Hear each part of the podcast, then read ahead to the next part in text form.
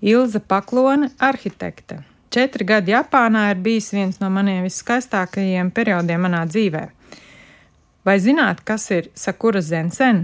Sakura Zensen ir meteoroloģisko dienestu īpašā sakuru jeb ķiršu ziedēšanas prognoze. Tā detalizēti ziņo par ziedu frontes virzību pie plaukstošiem kokiem no Japānas salu dienvidiem uz ziemeļiem. Pavasaris vienmēr sākas ātrāk nekā mēs to pamanām.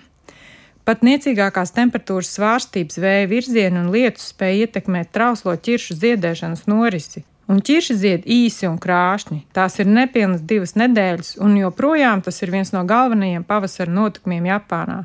Iespējams, pat viens no galvenajiem. Japānā sevis un apkārt esošā vērošana ir ļoti sena tradīcija. Ziedu vērošanu dēvē par hanami. Parasti ar hanami saprot tieši ķiršu vērošanu, lai gan šo jēdzienu var attiecināt arī uz raudzīšanos plūmu ziedos. Plūmas uzzied marta sākumā, pavisam īsi pirms ķiršu izplaukšanas. Man plūmu ziedēšana vienmēr saistās ar agrā marta vēsumu, silta salda sakē, amazaka malkošanu tempļu dārzos. Vispār jau Japānā visu laiku kaut kas zied, visu laiku ir kaut kas vērojams dabā, plūmes, ķirši, acālijas, acālijas tieši pirms lietu sezonas sākuma, tad vasaras ziedi, tad sarkanās kļavu lapas rudenī. Bet tieši divās marta nedēļās var pamanīt, cik Tokijā ir neticami daudz ķiršu. Citos gadalaikos tos steigā var pat neredzēt. Un pēkšņi baltie ziedlapu mākoņi ir visur.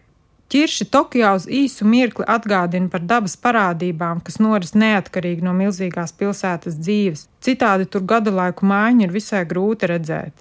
Visa pilsēta divas nedēļas ir viegla, gaisīga, viegliprātīga, balta, rozā un saulaina, arī intensīva. Jo cilvēki vēro, fotografē, pikniko, socializē zem sakurām, dārzos, parkos, tempļu dārzos, pie mājām. Cilvēki izmainās, ir it kā atvērtāki un šī būs krustojumā cilvēki tiešām uzsmaida viens otram. Varbūt nav īsti pieklājīgi salīdzināt, bet man vienmēr šķītis, ka Tokijas daudzās kapsētas ar kantāniem akmeņiem, šauriem, vertikāliem piemiņas kociņiem un tādām kā ieliņām izskatās kā šodienas Tokijas dīvaina mēroga maketi. Tieši dažās no kapsētām, Aojamā vai Janakā, ir viskaistākās sakuru audzes Tokijā, Tajās var klejot klusumā, nesteidzīgi un nesaistīti ar apkārtējo pilsētas troksni un telpu.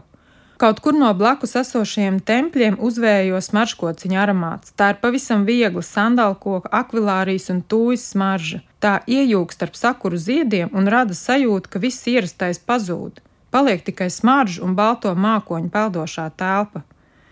Varbūt tā ir daļa no tā, kas kādreiz nodēvēts par ukijo e, mainīgā vai drīzāk plūstošā pasaule. Tās būtiskā daļa ir aizmiršanās mirklī un dzīves nianšu, krāsu, smaržu, garšu un sajūtu izsmalcināta izbaudīšana. Un Tokija joprojām ir ukijo materiāls piemērs, un sevišķi to var sajust sakuru ziedēšanas laikā. Man patīk pamanīt pirmos plaukstošos ziedus. Tā ir sajūta, ka viss baltais krāšņums tikai sāksies, un vēl visam ir laiks. Ziedu plaukums, jeb mankai, ir bezgalīgi skaists, bet tās ir dažas dienas, kad atvērušies ir pilnīgi visi ziedi. Uzpūš vējš, ziedlaps viļņojas gaisā un viegli šalts, mirklis absolūti neticama piesātinājuma. Samurai ētikas kodeksa bušido metāfora ir ķiršu augšanas un ziedēšanas cikls. Gan ķirsis, gan samurais lielāko dzīves daļu nogaida, krāja spēku, lai spētu mirklīgi uzziedēt un krist kaujā, vai ziedlapu putenī, Hanafu bukī. Tā ir ļoti smeldzīga sajūta redzēt, kā skaistie baltie mākoņi izkūst uz ietvēm, it kā to nekad nebūtu bijis. Tas ir pretstats plūstošās pasaules hedoniskajai sajūtai, pretruna starp sajūsmu un atteikšanos no pasaulīgajām vēlmēm un skaistumu. Divas nedēļas sakuru ziedēšanas ir īsts kurs visa nepastāvīguma piedzīvošanā un nepastāvīguma vērošanā. Tas ir atgādinājums, ka skaistumu vērošanu atlikt nedrīkst. Viss tik ātri mainās.